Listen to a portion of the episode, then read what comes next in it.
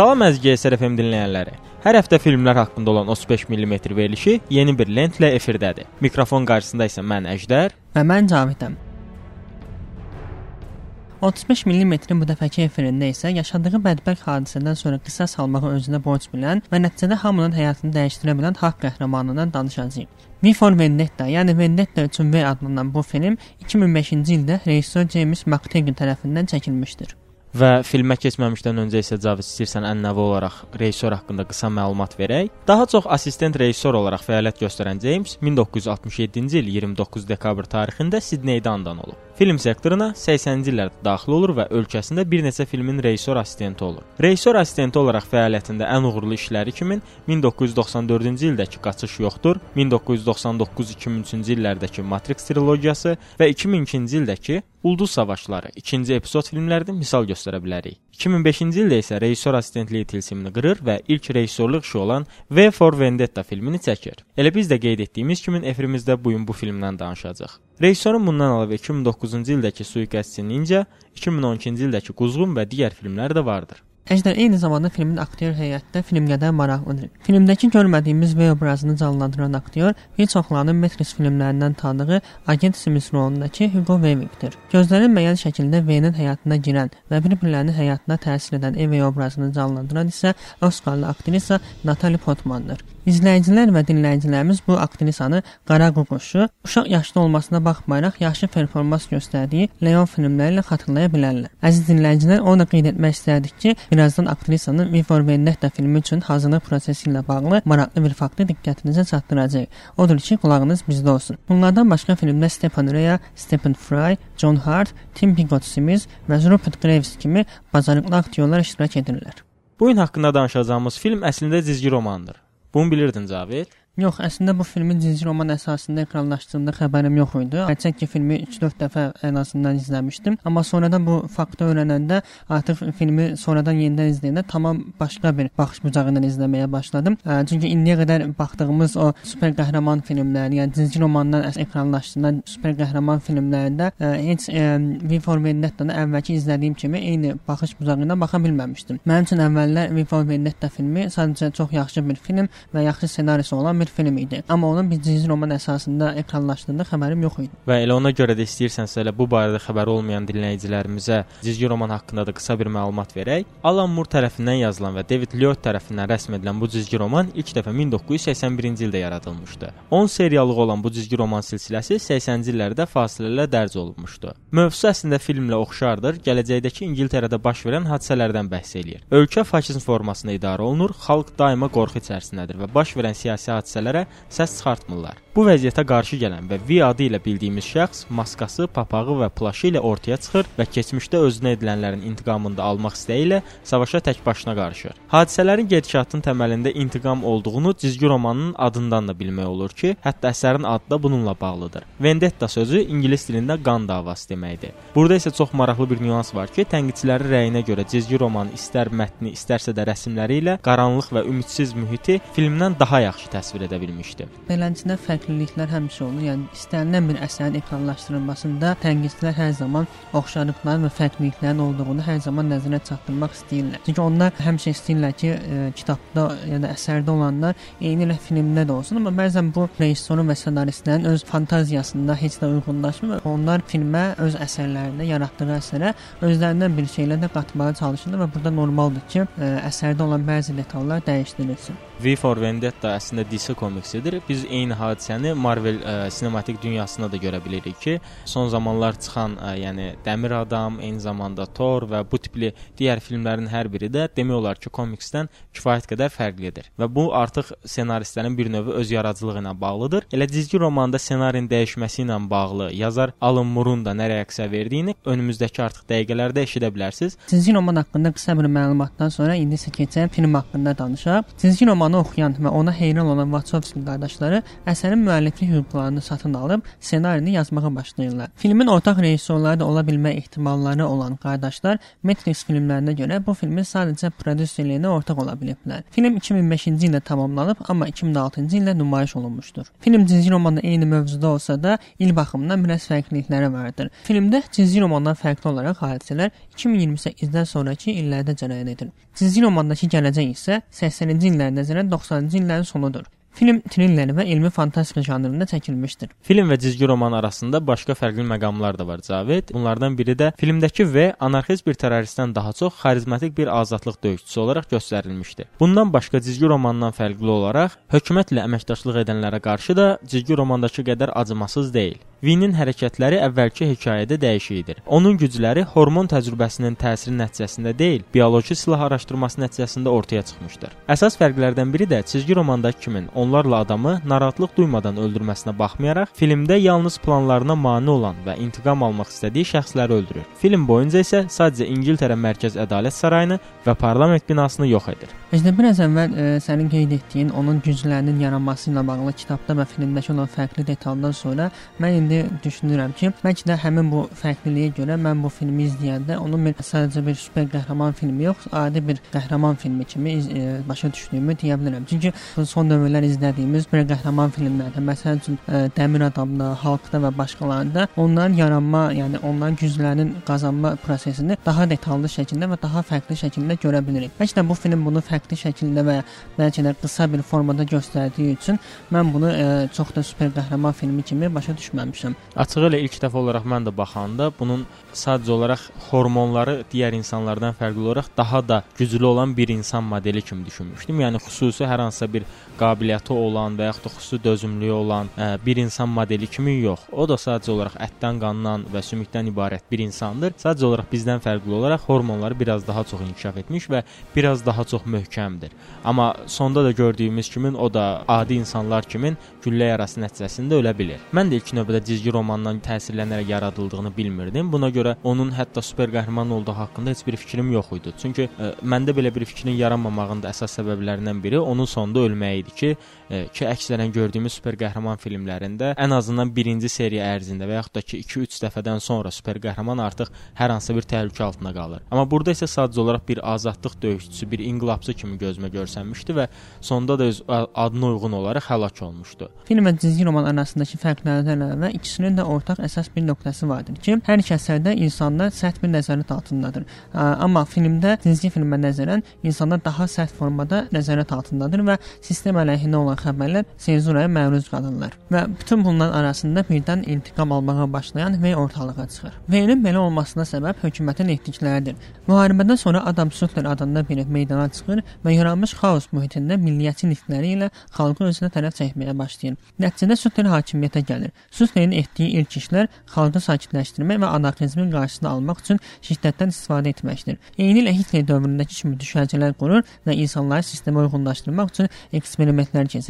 Və onun da əsas məqsədi ideal insan yaratmaqdır. Onun düşüncəsində görə ideal insan isə sistemə tabe olan, reaksiyası ən aza salınmış, beyni yuyulmuş insanlardır. Bu eksperimentlər nəticəsində 100 mindən çox insan ölsə də istənilən nəticə alınmır. Bu insanların toplanıldığı düşərgədə bir gün baş verən partlayış nəticəsində qəhrəmanımız və alovlar içində yenidən doğulur. Bütün bədəni yanan, gözlərini itirən və intiqamını almaq üçün onların yaratdığı sistemi çökdürmək istəyir və və beləcə öz fəaliyyətinə başlayır. O ilk olaraq ədalət qavramını gündəmə gətirir və şəhərdəki ədaləti simvolizə edən heykəli havaya uçurdur. Eyni zamanda və bu səhnədə yaşamaq sevincini, qələbəni, inancı öz bəstələrində göstərən Çaykovskinin 1812 uverturasından da istifadə edir. Filmin bundan sonrakı süjet xətti isə V-nin gələn il 5 noyabrında planlaşdırdığı son işində hazırlıq planı əsasında davam edir və hökumətin əsas silahı olan televiziya binasına girərək hamının izlədiyi televizorda xalqı gələcək ildə olan hadisələri səsləyir. Bu hadisə isə V-nin parlament binasını partlatmasıdır. Televiziya binasından qaçmağa çalışarkən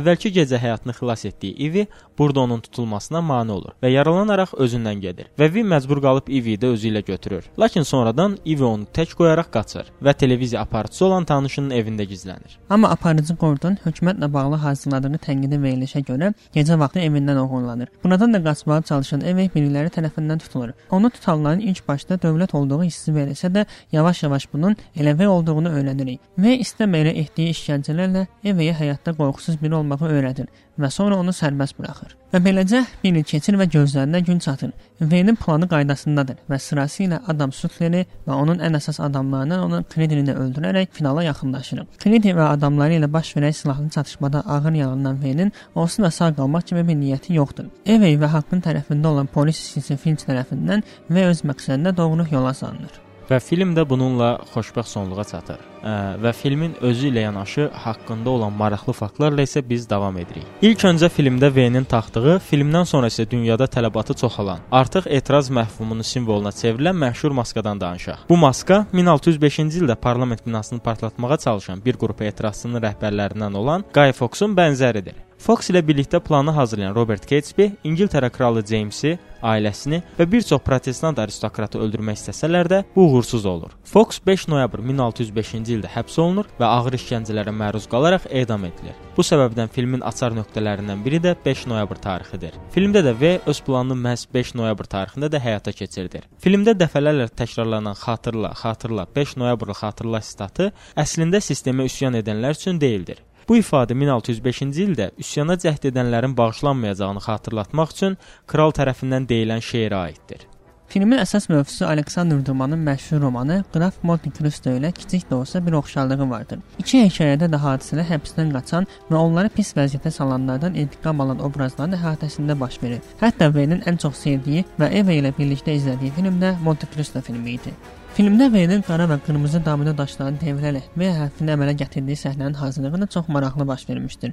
Bu səhnə üçün 22 min domino daşından istifadə olunub. Bu səhnədəki domino daşlarının düzülməsində 4 peşəkar domino ustası iştirak edib və onlar bunu 200 saat içində tamamlayıblar. Və 2 saniyə içərisində də V onu dağıdıbdı. Və filmdə həmin dövrün çətinlikləri biraz da nəzərə alınmışdır və ə, bu bir növ əslində kamera işinin özünü daha çox göstərirdi ki, burada Viktoriya stansiyasında çəkilən məşhur döyüş səhnəsində çəkilişdə fərqli texnika üsulundan istifadə olunmuşdur. Bu səhnədə V-yə atəş açan bütün polislər yavaş sürətdə, V obrazı isə normal sürətdə hərəkət etmişdi. Biz sırf bu bir növ texniki hiylənin sayəsində V-nin Fingerman adlı gizli polislərdən daha sürətlə hərəkət edirmiş kimi görsəndiyini gördük. Bundan əlavə V-nin sürətini biraz daha artırmaq üçün bu səhnə saniyədə 60 kadr texnikası ilə də çəkilmişdir. Və bunu da qeyd edək ki, filmlərdə standart qayda isə saniyədə 24 kadr prinsipidir. Bəzən bu kimi sürətli və yavaş hərəkətləri göstərmək üçün isə bu qayda dəyişdirilir.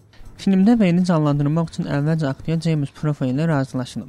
Bəzi səhnələrin çəkilişi də bu aktyorla həyata keçirilir. Amma çəkilişlərin 4-cü həftəsi bitdikdən sonra onu aktyor Hugo Weaving ilə əvəz edirlər. Əvvəlcədən çəkilən səhnələrin istifadəsinə qərar verildikdən sonra Hugo profilin çəkildiyi səhnələrin yenidən səsləndirilməsini edir. Aktyorun layihədən uzaqlaşma səbəbi isə prinsip fərqliliyinin olması idi. Rejissor James McTaggart hər iki aktyor arasındakı fərqlər soruşulanda isə cavab verərək demişdi ki, fərqlərini mən necə deyə bilərəm ki, kinosevərlər deyə bilərmi? Bundan əmin deyiləm deyə cavablandırmışdı. Həqiqətən də bu tip ə, e, personajın canlandırılmasında ə, e, məncə aktyor fərqliliyi elə də gözə çarpan dərəcədə olmur. Təbii ki, bunu filmin çəkiliş komandasındakı insanlar bunu yaxşı nəzərə çarpacaq, amma ə, e, biz izləyənlər üçün bu elə də çox əhəmiyyət daşımayacaq. Çünki biz maskanın arxasında kimin olduğunu görmürük və bu bir növdə sanki həmin o aktyorun işini bir az da ə, daha da rahatlaşdırır. Yəni bir növ onun işi daha da yüngülləşir. Çünki biz burada misal olaraq keçən efirimizdə danışdığımız Truman Show-nu nümunə götürə bilərik ki, əslində komediya filmlərində ə, e, daha çox tanınan və böyük potensialı olan Jim Carrey burada bir növ dramatik rolda çıxış eləyir və onun üzərinə düşən məsuliyyət bu filmdə daha çoxdur. Yəni Truman Show-da daha çoxdur. Burada isə maskanın arxasında bir növ gizlənərək sadəcə olaraq ssenaristin yazdığı sözləri oxumaq əslində kifayət qədər məncə böyük bir aktyor işi tələb eləmir. Əsas aktyor işi mənim fikrimcə daha dəqiqləşdirim. Aktrisa işi mənim fikrimcə burada Natalia Portman üzərinə düşmüşdür. Bu haqqda isə indi birazdan danışacağıq. Yəni mən demək istədiyim bu tip ə, e, filmlərdə, yəni hə, qəhrəmanın tamamilə bir maskanın arxasında gizləndiyi bir personajda sanki ə, e, aktyorun işi biraz kölgələnir. Çünki biz onun üzünü görmürük və e, izləyici də məncə üzünü görmədiyi aktyora biraz inanmaq istəmir. Doğrudur, yəni obraz olaraq çox yaxşı işlənilibdir. Onun e, bəzi döyüş səhnələrində və s. çox yaxşı hərəkətlər var. Təbii ki, bu səhnələrdə şübhəsiz dublyorlar tərəfindən çəkilib, amma yenə də artıq izləyici əgər dublyor və e, əsl aktyorun fərqini görə bilməsə, biraz sanki dediyim kimi aktyorun işi biraz kölgələnir. Amma əvəzində isə ə, maska kifayət qədər ön plana keçdi və dünya dünyada demək olar ki, anidən çox məşhurlaşdı və hətta az öncə də qeyd etdiyimiz kimi bir növ azadlığın və inqilabın simvoluna döndü. Bu baxımdan bəlkə də haqlısan ki, bir növ ə, filmdəki əsas personaj, üz, mimika nədirsə, ə, izləyicilər tərəfindən də əsasən sevilən və ön plana gələn budur. Düzünə qalsa mən film haqqında araşdırma aparmamışdan öncə onu canlandıran aktyorun kim olması barədə heç bir məlumatım yox idi. Və bəlkə də bu ə, mən dediyim aktyorun ə, işinin kölgələnməsinin qarşısını almaq üçün film bizə ə, həmin o V obrazının keçmişi ilə bağlı görüntülər də göstərə bilərdi. Yəni onun real normal həyatda necə olduğunu, ə, bu başına bu hadisənin gəlməmişdən əvvəl yaşadıklarını da göstərə bilərdilər. Amma göstərmədiklərini belə başa düşə bilərəm ki, bəlkə də bunlar ə, izləyicinin V-dən başqa birini düşünmək istəm düşünməyini istəməmələridir. Çünki ondan istədikləri aktyoru deyil də obrazı daha çox ön plana gətirmək istəyirdilər. Yəni onlar yəqin yəqin ki, istəyiblər ki, izləyici ancaq V obrazına fokuslansın və onun e, ideyası və mübarizəsi uğrunda bütün fikrini ona cəmləsin. Əgər sən deyən kimi düşünürlərsə, bu kifayət qədər uğurlu alınıbdı. Ən azından filmə gələn reaksiyalar və dünyada hələ indi belə məşhurluğu və V obrazının xüsusilə hələ də ə, məşhurluğu və gündəmdə qalması ə, tamamilə buna işarədir. İndi isə keçək filmdəki gizli polislərə. Filmdə gizli polislərə fingerman, yəni barmaq adamlar deyirdilər. Bunun səbəbi isə yeni sistemin insan bədəninin modeli əsasına qurulmasıdır. Bu sistemə əsasən kansler insan bədəninin başı, BTN televiziya stansiyası ağzı, vizual və audio nəzarət göz və qulaq, müstəntiq Finch burun, polis qüvvələri və Creedinin gizli polisləri isə əl və onun barmaqları kimi simvolizə olunurlar. Bu baxımdan da filmdə kifayət qədər maraqlı metaforlar edilib. Filmlə bağlı başqa bir maraqlı fakt isə filmdəki maskaların çəkilişlərdə yaratdığı bəzi problemdir. Çəkiliş vaxtı səsin yaxşı yazılması üçün maska bir neçə formada dizayn edilib. İlk olaraq maskanın içində kiçik mikrofon yerləşdirilir. Sonra isə mikrofon aktyorun saç olan hissəsinə yerləşdirilir. Hər iki üsul da istənilən nəticəni vermir. Buna görə də V-nin bütün dialoqları dublyaj nəticəsi ilə yenidən yazılmışdır. Təəssüf olsun ki, Cavid efir prodüseri bizə qısa bir musiqi fasiləsi verməli olduğumuzu bildirir. Əziz dinləyicilər, qısa bir fasilədən sonra maraqlı faktlar haqqında danışmamıza qaldığımız yerdən davam edəcəyik. Bizi dinləməyə davam edin.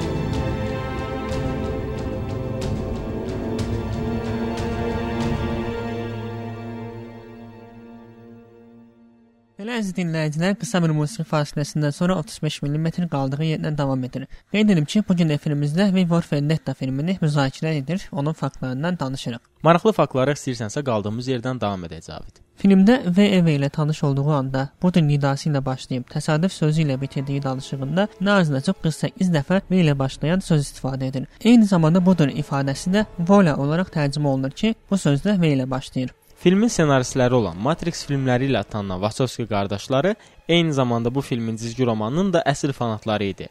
Ə, maraqlı fakt isə qardaşlar bu filmin hazırlıqlarına Matrix filmindən əvvəl başlamışdılar. Amma qeyd edək ki, ilk Matrix filmi 90-cı illərdə çəkilib. Vendetta isə 2005-ci il istehsalıdır. Bu da təxmini olaraq 10 il ara deməkdir. Əslində bayaqdan Wachowski qardaşlarının bir neçə yerdə adını çəkirik. İstərdim ki, Wachowski qardaşları haqqında maraqlı nüansı diqqətinizə çatdırım. Fikrimcə artıq bundan sonra biz onlara Wachowski qardaşları deyə xitab edə bilməyəcəyik. Çünki bu qardaşlar öz ə, cinslərini dəyişmişdilər. Yəni bunlar artıq ə, öz cinslərini dəyişərək qadın olmuşdular. Amma bu filmin çəkiliş vaxtlarında hələ də qardaş olduqları üçün biz onlara hələ də indi də ə, qardaş olaraq xitab etməyimiz məncə elə də problem olmaz. Bu əslində qardaş bacılar haqqında kifayət qədər maraqlı nüansıdır və filmin əsas düyün nöqtəsi olan 5 noyabr tarixindən elə Wachowski qardaş bacıları da istifadə etmişdir. Əsasən Matrix trilogiyası ilə tanınan qardaş bacılar trilogiyanın son filminin nümayişini 5 noyabr 2003-cü il tarixində həyata keçirmişdir. Görünür ki, bu tarix artıq onlar üçün də xüsusi bir əhəmiyyət kəsb etməyə başlamışdı. Və belə edərək də onlar bu filmə və bu hadisəyə öz hörmətlərini göstərmişdilər. Filmdəki Eve obrazı ingilisdir, amma onu canlandıran aktrisa Natalie Portman isə ingilis deyil. Belə olan halda isə bu aktyorlar üçün çətinlik yarada bilər. İngilis aksentini öyrənə bilmək üçün dialekt mütəxəssisi Barbara Bergerdən kömək almışdır.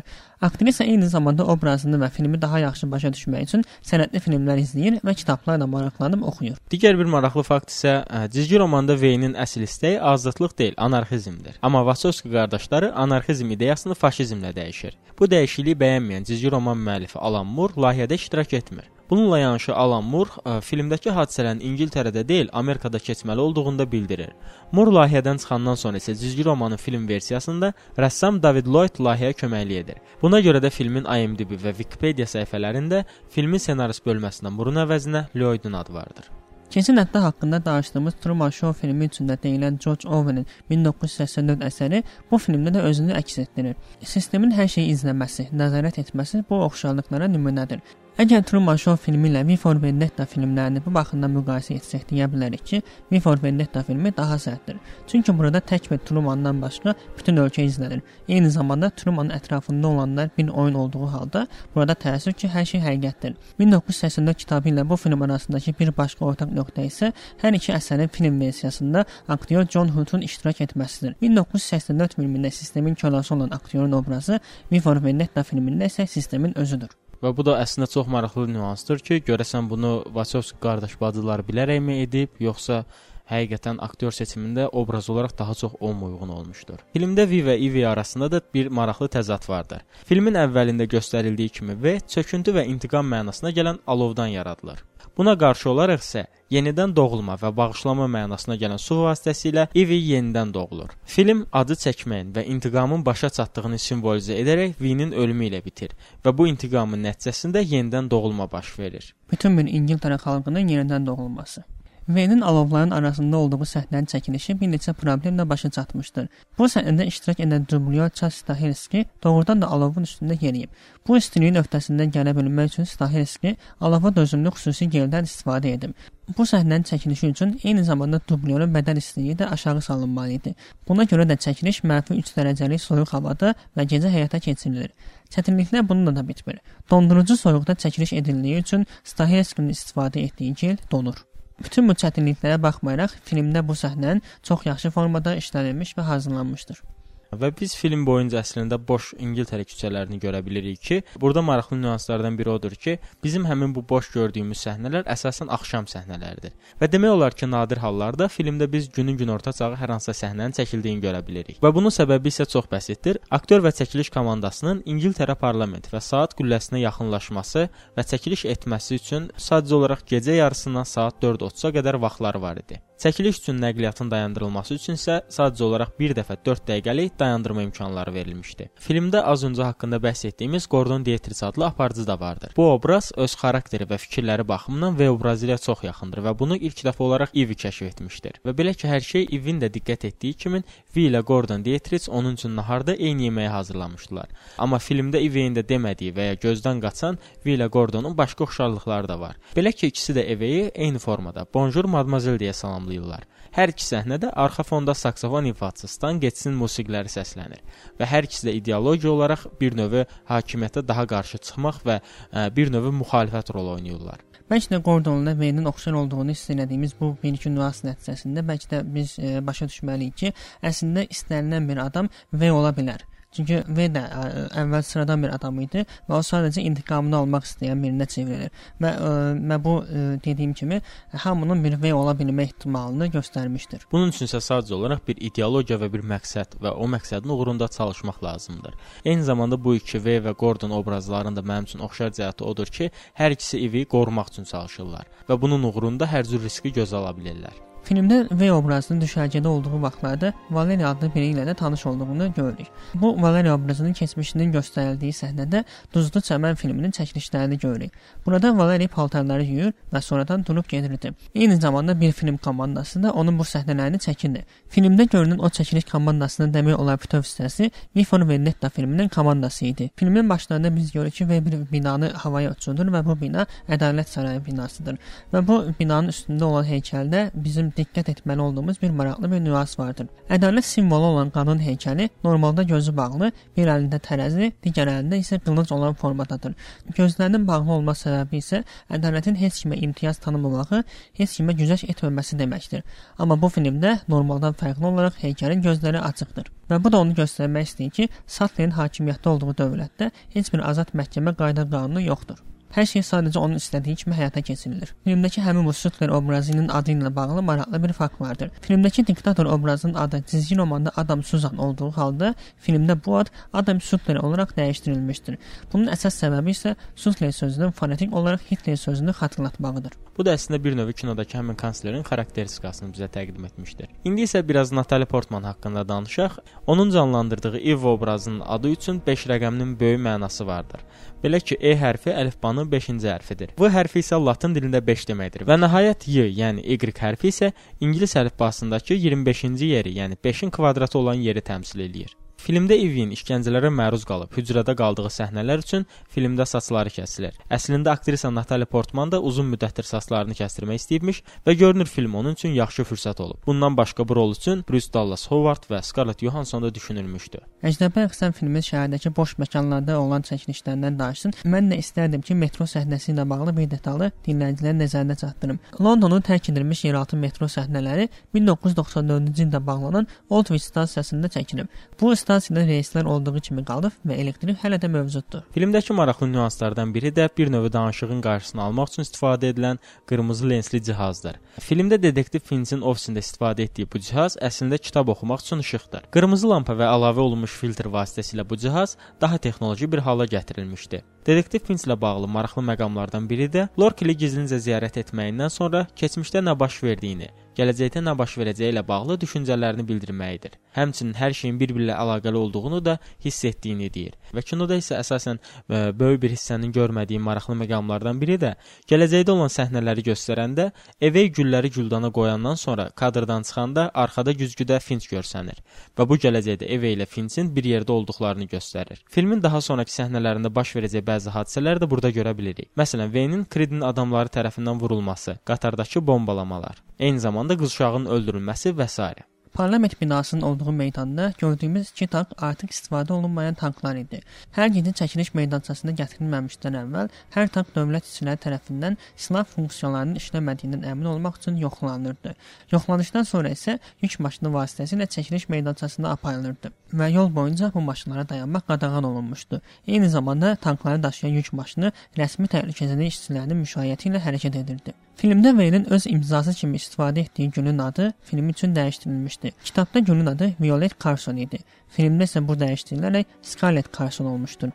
Bunun səbəbi isə gülün rəngi ilə əlaqədardır. Violet tərcümədə bənövşəyə mənasını verir, amma filmdə gördüyümüz güllər isə qırmızıdır. Və filmdə deyilən Scarlett-in də lalə olduğunu nəzərə alsaq, bu düzgün qərara alınmış bir dəyişiklikdir. Çünki lalə gülü də qırmızıdır. Filmin ilk növbədə əvvəli, daha sonra isə sonunda gördüyümüz partladılan binalar isə The Old Bailey, yəni Londonda ağır cəza çəkmə müəssisəsi, saat qülləsi və parlament evinin xüsusi maketləri olmuşdur. Bu maketlərin hazırlanması üçün 20 nəfər adam 10 həftə vaxt sərf etmişdir. Və mənim üçün isə filmdə ən maraqlı ə, hissələrdən biri isə bir növ me medianın nə qədər manipulyasiya rolunu oynamasının göstərməsidir. Bunu biz Adam Sutlerin adamının televiziya binasına basqını zamanı sözlərindən başa düşə bilərik. Həmin bu şəxsin dediyi sözlər əsasən belə başa düşmək olur ki, bütün hər kəsi idarə etmək üçün Adam Sutler mərkəzdən idarə olunan və hər kəsin evində olan yayım sisteminin həyata keçirilməsini tələb etmişdi. Və bunu da əslində çox rahatca başa düşmək olur ki, birbaşa olaraq hər kəsin evinə qədər gedib xitab etməyin ən yaxşı yolu əslində mediadır. Yəni hər qarşılıqdan sonra da biz əslində bunu rahatca görə bilirik.